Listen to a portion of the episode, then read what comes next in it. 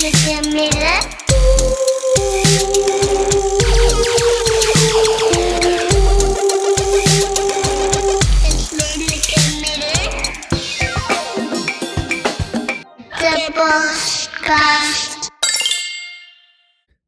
and welcome to Het Redelijke Midden, normally a Dutch language leftist podcast, and the title about roughly translates to the moderate or respectable or reasonable center. Meme lords would likely think that, you know, um, we're talking about the enlightened center, and the name is both a joke and is not. We genuinely believe that a reasonable and proportional response to contemporary politics begins with anti capitalism. The reason we wanted to make a podcast today in English for a change is that three of our hosts, um, actually, and usually, reside abroad, two of them in the United States and one of them in Germany. And today's topic is going to be a general analysis of the Dutch parliamentary elections uh, that were held last week. And it might be of broader interest to our international friends who have occasionally asked, when can I listen to your podcast? So this is one of the reasons. There might be some misconceptions about the perceived Dutch progressivism that we would love to correct in this episode. In fact, it might surprise some of you um, because the Netherlands has generally a very respectable image abroad. However, Dutch politics is far more reactionary and conservative than you might think, and as indicated by the massive electoral victories last week of far right parties in parliament, there is something amiss in this country. And we would love to talk you through that, talk about the great loss of leftist political parties, um, their um, historic defeat, in fact, and some other themes. So, uh, without further ado, I would love to introduce to you Annelot. Hi, I'm Annelot Prins, and I'm doing a PhD at the Free University here in Berlin on social justice in popular music. Next, we have Farah. Hi, everybody. I'm Farah, and uh, I'm a third year PhD candidate uh, at Stanford University working on early modern global history. And I'm uh, thematically very much interested in environmental thought, race, and indigeneity uh, in the Ottoman world, uh, Morocco, Iberia, and the Americas in the 16th and 17th century. We have also Pim. Hi, I'm Pim van den Berg. I'm a Dutch pop culture critic who focuses on video games and digital culture, and particularly the intersections between those and masculinity. And my name is Thijs, and I'm a PhD uh, candidate in the Department of Government at Georgetown University in Washington, D.C., and my work focuses on uh, 20th century liberalism, Cold War liberalism, and particularly the work of Isaiah Berlin. Right. Where where do we start? Well, with the results, I think, because for uh, many of us, it has been quite the depressing evening last Wednesday Yes. when the results came in, and it became evidently clear that, um, well, not only did the far right increase their presence in parliament, but the neoliberal status quo parties like the VVD, uh, the mainstream neoliberal party headed by our prime minister Mark Rutte, well, they kept their seats, even increased uh, their seats, despite you know the uh, the entire issue with the um, You're, looking for the word for toeslagenaffaire. It was the it was a great scandal where the um, the Dutch um, uh, basically the Dutch IRS, right, the tax agency, the Yeah. tax Yeah. collecting agency, um, had targeted individual parents, uh, accusing them of fraud with. Um, this child benefit, um, and uh, it had particularly targeted them on the basis of ethnic profiling. And uh, the tax agency has destroyed literally uh, several thousands of people's lives by a years long campaign to um, accuse them of fraud, get all the money back, um, Yeah, fining them with auditing. huge. hu- yeah, I think it's also important to stress here that it's not it was not solely the racist child welfare scandal, uh, because our prime minister Mark Rutte was also convicted for you know ethnically profiling specifically Dutch Somalis back in 2007 when he was the Secretary of State for Social Services. But it appears that you know despite all these um, all these events that happened and and and Rut- Rutte and his party's involvement in that, you know, they were not punished for it in the elections at all because they, you know, still were able to make it as the largest party. So I think we now made it very clear that we are quite shocked and very disappointed with the fact that they grew and they won. But I think actually to like um, for other people living abroad in different systems electorally, I think it's very important to first of all emphasize that we have the most proportional um, electoral system in the world. So that means that in our country, your vote really does count, and you have a lot of different parties to choose from. For this election, I think we had 41 parties running. I mm-hmm. I hope that I'm mm-hmm. correct, and if not, that you would like. It was in the more. 40s. Yeah, so there is a lot of like there are a lot of different parties to choose from, and the ultimately all of these parties have to figure out a way to work together in parliament. So we have 150 seats in parliament that are divided over um, different parties that gain votes, but the proportionality of it means that you only need 0.67% of votes to win a seat in our parliament. So that means that, yeah, your vote matters, and that you can also see in the turnout. So turnout this year was 79%. Um, the last elections in 2017, it was 81.4%, and that is extremely high. And yeah, I think this this is like the Right. one thing that I do like about the Netherlands. Yeah, Um, absolutely. on the other hand, it means that all parties will find have to find ways to work together, which means we call it polderen. Um, that you always have to create consensus and compromise. But it is also important, I think, you know, despite what Annelot was saying, I mean, obviously it's a proportional electoral system. And uh, in theory, it seems to be possible for, you know, different parties to participate in elections. But also, if we look at what concretely happened over the last or past 20 years or so, uh, it is actually quite difficult to get into parliament. Um, and I think since the since 20 years, only eight new parties made it into parliament. yeah. and more interestingly, all those political parties, or ma- majority of them, were actually radical and far right.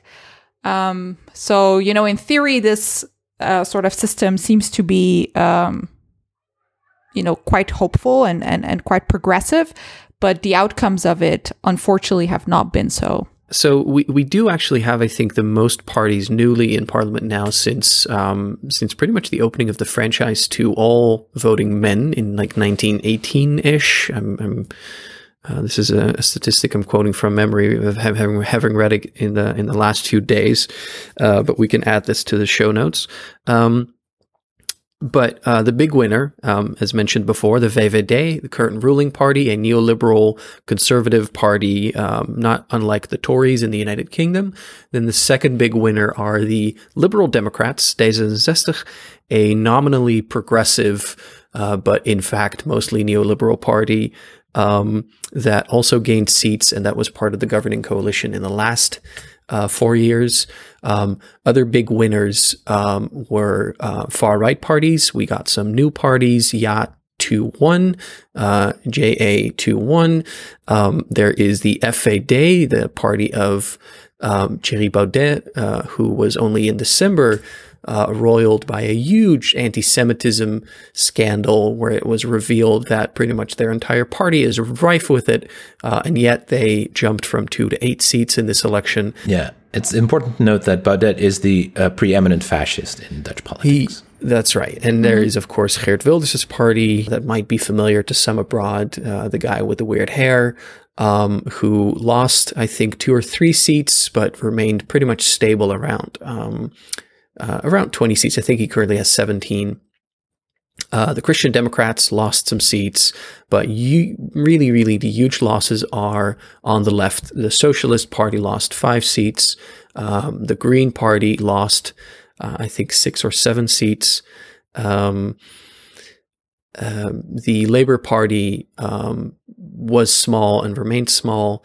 Um, and the overall share of left wing parties that you can properly call leftist parties, um, including the Green Party, the Social Democrats, um, is about roughly the same size as the whole vote share of the far right and extreme right in the Netherlands. And so, And what's particular is that the shift from leftist parties to the other parties hasn't been as predictable as you might expect. Yeah, so the what's really interesting about these elections is the movements uh, from in between these parties. um, because we lost a bunch of voters for, for example, the Socialist Party, but also the Party for Animal Rights, which is a party that our system has space for too, um, to extreme right parties like um, the aforementioned Thierry Baudet Party Forum for Democratie, um, but also Ja 21. And that might seem quite shocking, but might not be as shocking in the end because uh, what we've seen in the Netherlands now for a very long time is a very strong um, conservative uh, government that is um, doing a lot of austerity politics for a long time now, even though that's very ill advised from basically every single economist in the world. But yeah, they keep um, taking money out of healthcare, education, etc. And what we see on the on the left there is that a lot of left wing parties have moved kind of more towards these neoliberal austerity policies and try to compromise there instead of offering alternatives. And what the extreme right does very well is then um, basically blame a bunch of people for economic hardship in a way that gets very tangible, and the left just doesn't. Well, how is the um, Thijs? Perhaps you have an, an explanation for this.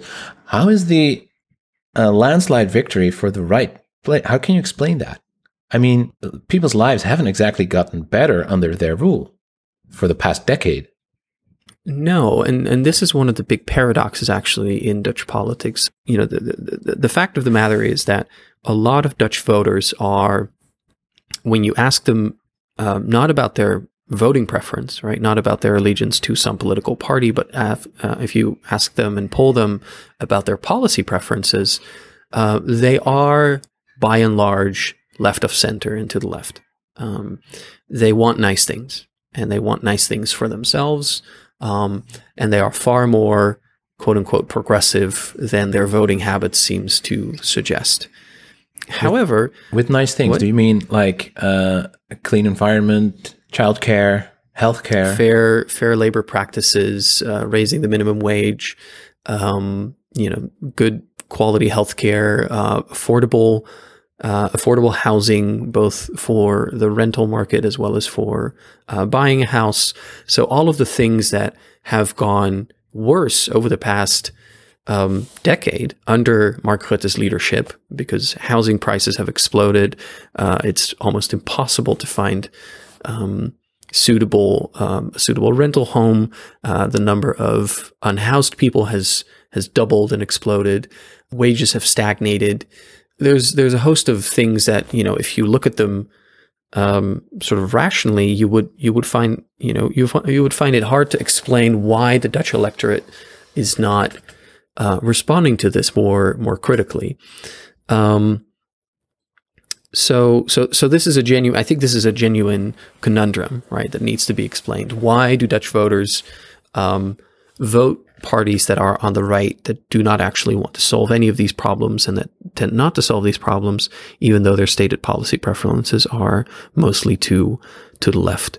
Um, and, um, you know, we might look at several different explanations for them. Uh, I think one of these is the, um, the, the, the Dutch media landscape, right? What kind of problems, what kind of public debate gets amplified as being all important, right? This is the major topic. This is what it's about. Secondly, um, there is the phenomenon that, especially during COVID, many of these right wing parties have sort of assumed the posture of now also being in favor of a robust and more interventionist government. So the uh, the genuine difference between the left and right when it comes to an interventionist government has diminished somewhat. Yeah, I think there is a. I don't. I, I think the left is bad at politics, um, genuinely. Uh, so we we should I think discuss all of those things. Uh, but I would love to hear your thoughts as well. Yeah, well, I think the first thing is uh, there's this old, old Dutch political tradition of poldering. Poldering, or as we in Dutch would say, polderen, means uh, figuring out things together and ending up in the like reasonable center of these things, um, like compromising constantly in a way that all parties can find something uh, in the agreement that they can live with. And that obviously, in a way, is nice, you know? That's kind of the idea of democracy. It sounds good in figuring out- principle. Yeah. Exactly. On the other hand, that means that you will never have complete renewal or, or really innovative or visionary changes or ideas as often as you would maybe want to. Like you would never be able to do that, even though the situation and context might change and demand more radical change or more radical uh, differences from earlier uh, policies and politics. So what you then get is something that ends up way more conservative than other people think that we are, um, because also our self image is still that we're very progressive and a very visionary uh, a country when it comes to politics, which is simply not true, unfortunately. It's very interesting how that self image was kind of solidified when we ratified gay marriage, I would say, which was late 80s. Um, I want to say, I hope that's correct. And that kind of for us formed proof of like, oh, look at us being progressive and really great. And we kind of stopped there and still use that um, and our euthanasia laws to claim that we're a very progressive country in which a lot of things are possible, even though the reality shows that that's absolutely no longer the case and we're behind on a lot of things compared to a lot of un- other countries. The the uh, International Court in The Hague might have also contributed to that image. Hmm hmm Um, also, our weed policies, like that's Ah. obviously as someone living abroad is the That's a first classical like one. a few things that people think about when you're Dutch is um, drugs Yeah. and um, the red light district in Amsterdam, um, euthanasia. Like I remember when I first went to the U.S. that um, a lot of old people were very afraid of the Dutch because they think we'll kill our old people at some point. Um, and there's very big fear of that. Um, they think uh, gay rights are great in the Netherlands, which is not true because a lot of homophobic homophobia and um, violence against gay people is on the rise. Actually, very steadily. We have a lot of problems with that. That we are then in this great paradox of Dutch culture not facing because we are so invested in that self image of being this progressive, liberated country. Yeah. And it, also, the red light district is uh, a, a heavy target for gentrification. hmm hmm Yes. One of the other reasons I think that the left has made such a um, uh, the the left has has has received such a clobbering is um, another thing, and that is that the Dutch media landscape is is quite of a kind of a a strange phenomenon. I think, um, especially if you want to understand this from the perspective of different of other countries. Um, I think its closest analog might be the Dutch BBC. So there is a uh, a large chunk of the Dutch media segment that is um, uh, BBC, basically a BBC model where the government funds these these news media, particularly the online or the uh, I'm sorry the um, uh, TV news medium, right? The, the the news shows, the talk shows, the late night discussion shows um, have, and this is um, we'll we'll share the statistics in the show notes. Um, have a an obsession um, with the far right. Right, they the far right receives in the Netherlands uh, outsized attention, um, and not merely in being talked about, being reported on, uh, but particularly also being invited to the talk shows to explain their positions, to discuss their their agenda, etc., in a remarkably uncritical and friendly way. So, um, and we have the numbers here. We'll share those in the show notes. But um, if you extrapolate the number of seats that far right parties had right in parliament so before this election and you compare that with you know how much would you expect people to be on tv based on how proportional that seems to their vote share and to their share of actual seats? The far right far far far outnumbers candidates from the left also very frequently uh, women politicians. Um, so there's uh, there's a lot of men, there's a lot of far right men, uh, there's far fewer women, and there's far fewer candidates from the left on TV. And this is a clear bias that Dutch public broadcasting has, which is still uh, one of the largest purveyors of news and backgrounds and talk shows and information uh, on Dutch TV, which reaches quite a significant audience. And so you can imagine that in terms of agenda setting, right? What is the conversation of mm-hmm. the day about? What is the national conversation about? This has a huge impact. The left cannot really set the agenda in the Netherlands because it's not at the TV shows, or at least far less frequently.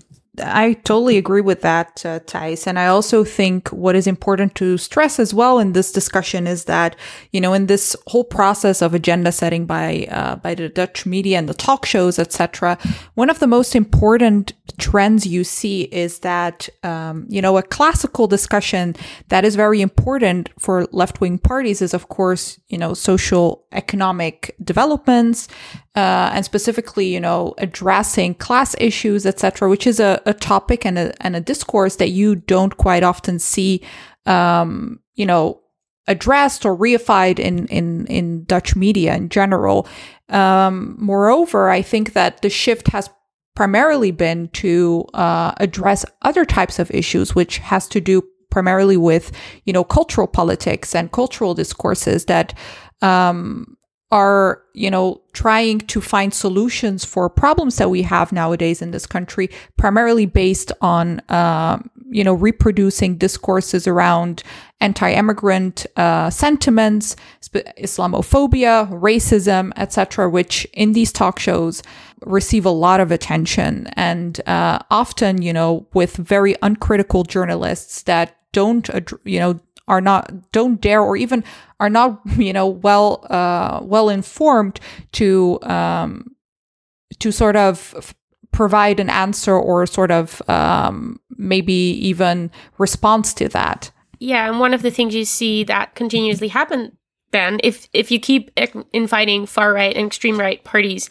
to discuss these matters, you completely like they're constantly legitimized. Their fears and anxieties mm-hmm. are constantly given a platform, constantly uh, focus on like letting them speak about whether or not black people in the Netherlands should be allowed to protest blackface or um, whether mm-hmm. or not racism is an issue or not. Like all of these debates that are completely out of the question in other countries. The anti Semitism that would absolutely not stand here yeah. in Germany is absolutely legal. Um, just are platformed and normalized as mm-hmm. concerns that are then presented as very average Dutch concerns, very normalized, very general. Like, and the idea that you should be able to talk about all these things and ask all these questions is then used as a way to identify Dutch culture, right? So we mm-hmm. constantly present ourselves as a country where you can say anything you want at all times and where everyone should be allowed to do that and where all opinions matter equally. Um, but then if you look at these numbers, you see that some opinions matter way more um, and that the left mm-hmm. is is constantly s- presented as like diverting from that norm as not being normal, which is one of the highest values in Dutch cultures. It's the the, the aspiration to be normal, to do normal, normal doen, mm-hmm. is very mm-hmm. very big. And the left and um, more progressive views are constantly shown as not being normal. Activism or simply the idea that racism is bad and not a topic for debate is a, an opinion that in the Netherlands is seen as constricting. Yeah, it's in itself racist talking about color, skin color. Yes, mm-hmm. because yeah, the Dutch see themselves as colorblind, um, and constantly will say it's not about race, um, but then also platform all these very very racist and even fascist voices. Yeah, because it's considered to be dialogue. Just yes. if you can beat those extremist ideas on the marketplace of ideas, then you have a functioning democracy. But alas, that's not how it works. Yeah, and then people who crit- critique that are often painted as being angry, unreasonable, unwilling to cooperate, unwilling to polderen, as we mentioned before. Another interesting feature, I think, of the Dutch media landscape is that the Netherlands is a country where um, it's at least on on the pundit level of things.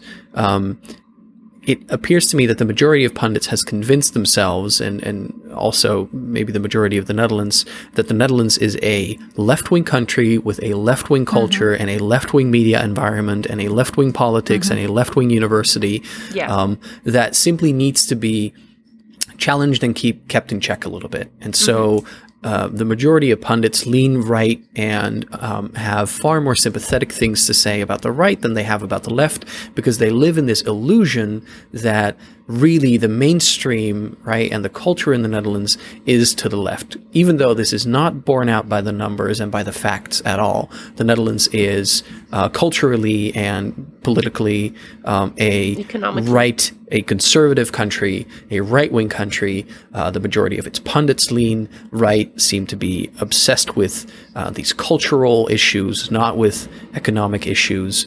Um, And uh, but this illusion is remarkably robust and remarkably strong, and it feeds into this kind of perverse idea that you know uh, to be an interesting pundit in the Netherlands is to say, "Oh well, isn't everything so left? I too am from the left."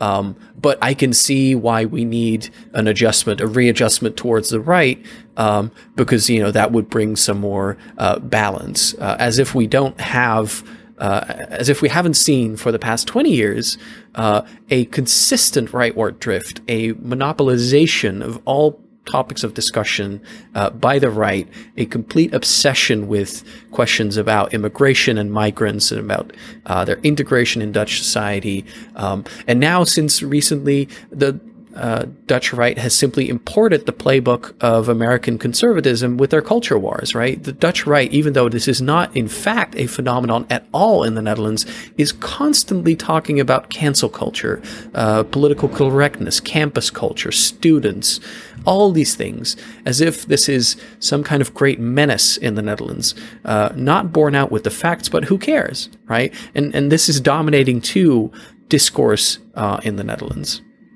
Definitely. Definitely. And, the, uh, all the numbers show that our country has declined immensely under Rutte's rule.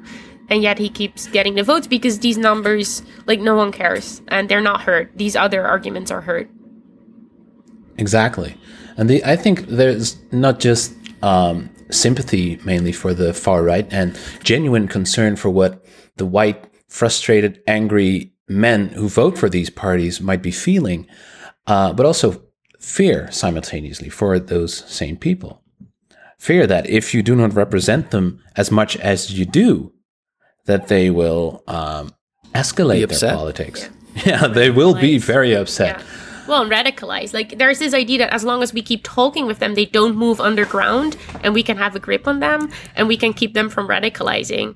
And it's completely oblivious to the fact how platforming them constantly is radicalizing Oh, immediate absolutely. There's this idea that they are, in fact, the white working class that has, you know, been marginalized and has actually vanished from society when that is very much not the case. But you can still see how whiteness dominates our media landscape by the assumption that these are the people, the white working class, apparently people, mainly middle class, who you should listen to, who form the baseline for Dutch politics. And Dutch culture and society at large, right? There's this idea Exactly, that they're yeah. the average Dutch person, that they represent them. Exactly. Yeah. So what has happened on the left? Why do they not reach the same people, despite uh, besides the, uh, the the issues in the media? Why do the Dutch left not reach as many people as they should? No, I, I think that's a very good question, uh, Pim. And maybe it's also something that I would want to, you know, emphasize a little bit is that there are many trends that you see in other countries that are also, uh, Absolutely. you know, present here in this country. So I, I think we should be, uh, you know, linking these discussions as well to other developments happening elsewhere outside of the Netherlands. So when we talk, for instance, about um, why isn't the left capable of, you know, addressing socioeconomic issues productively and being rewarded for that um, when people go to vote, is also because um, they have decided over the specifically last 20 years to, um, you know, undervalue or not stress these issues anymore because they're they have this understanding that their electorate is not interested in hearing the nuances regarding you know immigration regarding the integration of people uh, in the netherlands with a migrant background. Um, and to them what they actually are doing is looking to the far right and seeing that actually it rewards you if you um, you know flirt with the far right and with extremist discourses um, so what you end up seeing is that the left has turned into, you know, a political movement uh, that is sort of very insecure, not capable of really setting an agenda, but but only being very rea- reactionary or ending up being reactionary. And I do think that one of the major struggles for the left will be in the future is to, you know, really answer the question what is it that we stand for? Are we really a political movement that uh, wants to, um, you know, find support, grassroots support basically from all Dutch people? Uh, regardless of their uh, you know ethnic and cultural backgrounds. And if we want to do that that means that we will have to address the issues differently. And luckily we have a political party now in parliament that is actually i'm very enthusiastic about them because i do think that they might be offering such a uh, such a political agenda and such a political view that might be very um, you know, productive for the future that is very inclusive and anti-racist and really addressing the structural problems that the country has, which is the political party BIJ1, uh, which I think we could call a grassroots political party. And it's mm-hmm. founded and led by uh, Sylvana Simons, uh, a black feminist in the Netherlands, and who has, you know, taken on her shoulder the massive task, I would say, um, to turn the left into the left again, and um, and we will see what will happen. Uh, but I'm extremely positive and I'm extremely hopeful that uh, you know with all the all the work that she has done and people in her party has, have done over the last couple of years because this is really um, you know a movement uh, that didn't start yesterday. They've been active for quite some time now. Uh, and i'm very glad that they were able to you know, make it into parliament. So they got one seat, um, but that one mm-hmm. seat might still be quite valuable. I went to their election night party, which, um, even though being in Berlin, thanks to COVID, I could participate at because it was online. Um, and they are filled with energy, filled with hope. They really mm-hmm. believe that the Netherlands could become a way more progressive, welcoming uh, country than it is right now. And a few of the things they said um, when they were asked how they would use their seat if they would get it is that they want to influence, like Farah is saying, how the left is being the left. Um, they want to push the left further left. They want um, to change the language that is used to discuss politics. So um, Sylvana Simons, for example, was talking about how she um, in BIJ1 keeps talking about radical equality and how she now mm-hmm. heard other parties on the left use that phrase as well, which they have not done before. And uh, we were discussing this before with uh, this podcast how um, terms like um, colonialism were never really uttered in the Netherlands, and they started talking about that constantly with, uh, at, in BIJ1. And now a lot of other parties also refer to our colonial history in their election programs and are forced to reckon with that in some sort of way. And I think that is what uh, BIJ1 ultimately wants to do is to pr- put a lot of pressure on other parties to be more left wing, more inclusive, more focused on questions of gender, class, race, disability, etc., and make the Netherlands stronger. Yeah. I, I, I want to pick up on something that Farah was talking about, about how the left isn't really the left anymore in the Netherlands. And I think this has been especially true over the past like 10 to 15 years where mm-hmm. um, parties like the Labour Party, right, the PvdA, have um, for years and years been talking about, well, maybe we got to emulate, for example, the Danish Social Democrats a little bit more, right? Who decided pretty mm-hmm. much that their path to electoral success was to be more racist to the Muslim population. Right. Um, and these debates are still being had on the left. Um, and in fact, I've already seen that, you know, given the clubbering of the left in the last election, there's again the usual suspects, the pundits, um, the members of left wing political parties that say, um, well, I guess we got to be more racist towards certain people now to win back this this vote share.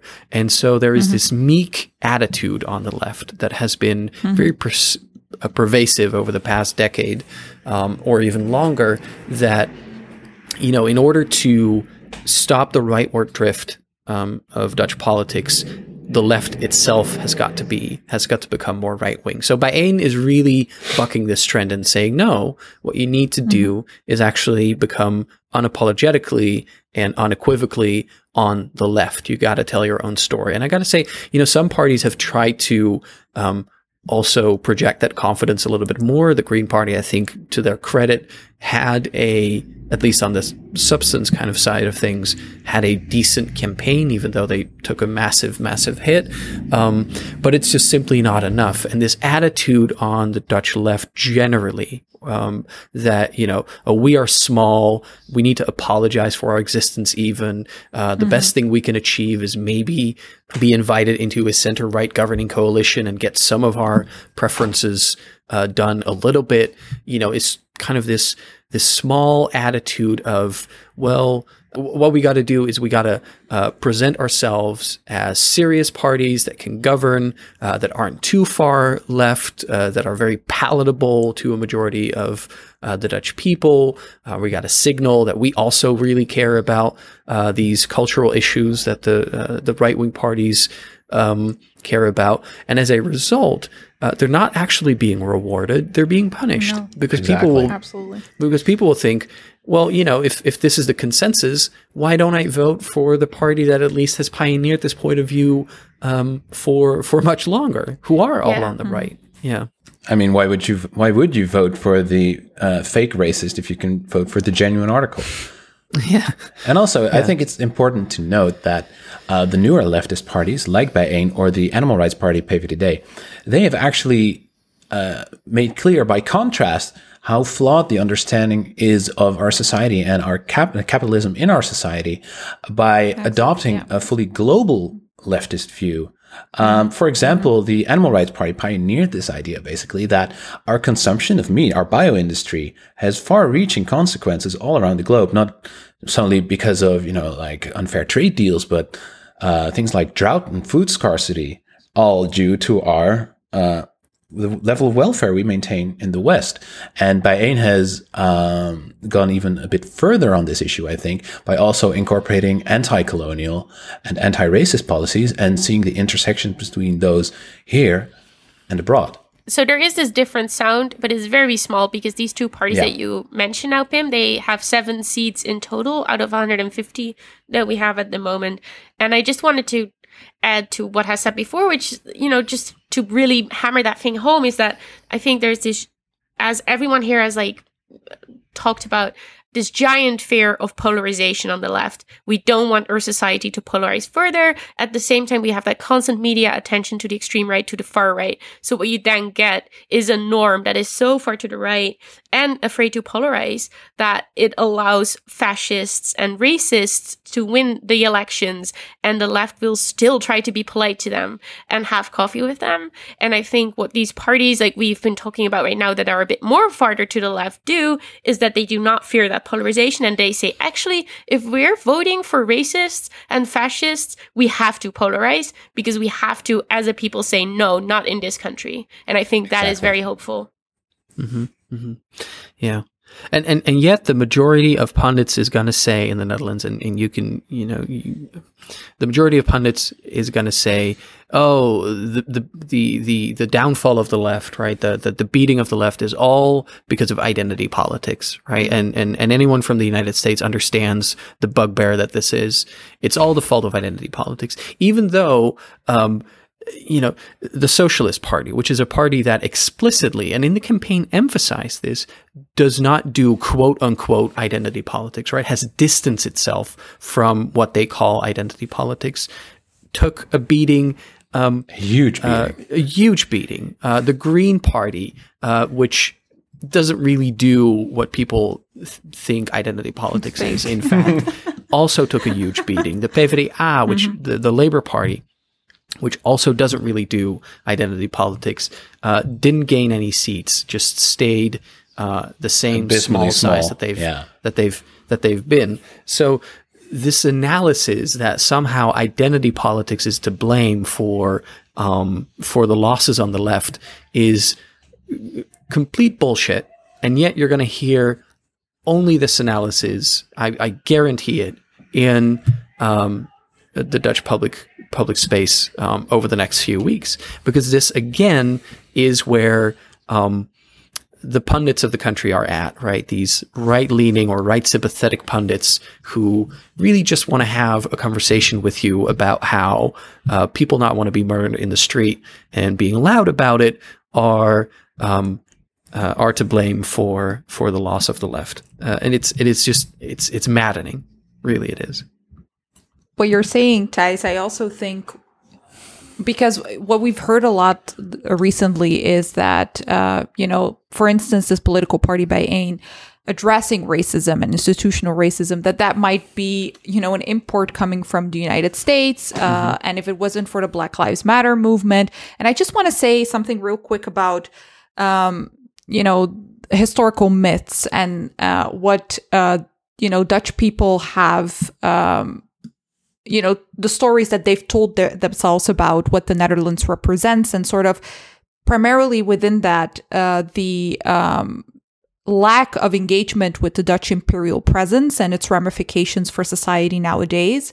Uh, and also the idea that uh, you know Dutch people don't identify themselves uh, with migrants at all, um, and this is all very well explained. And I just also want to use this opportunity for our international audience to um, tell them about a fascinating book. If you want to learn more about, you know, the cultural archive of the Netherlands and uh, the way in which um, why how we can sort of understand this notion of so-called white innocence, please read the book written by uh, Gloria Wekker.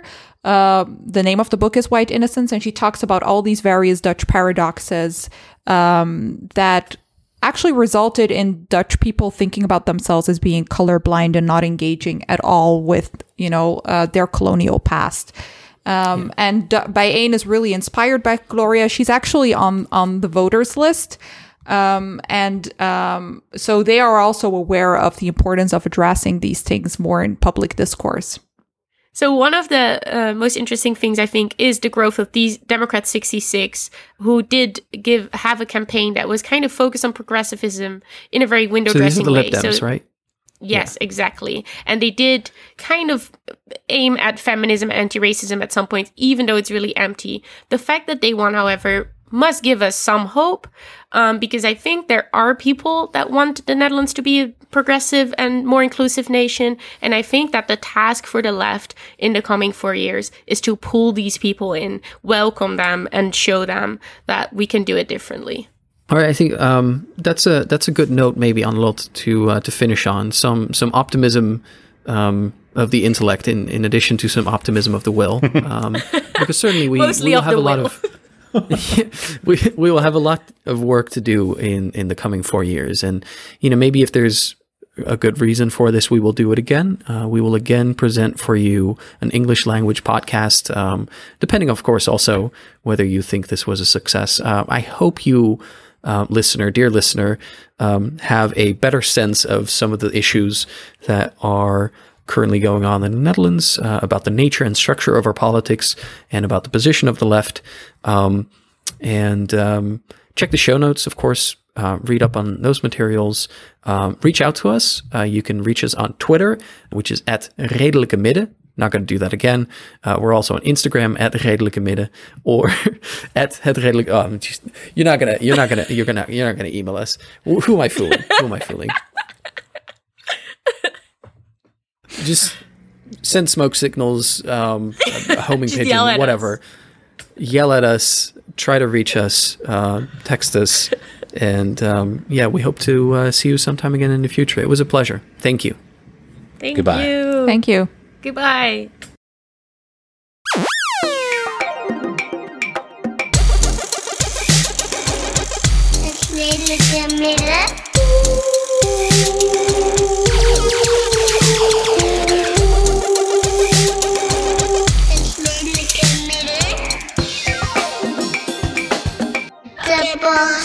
Boskast.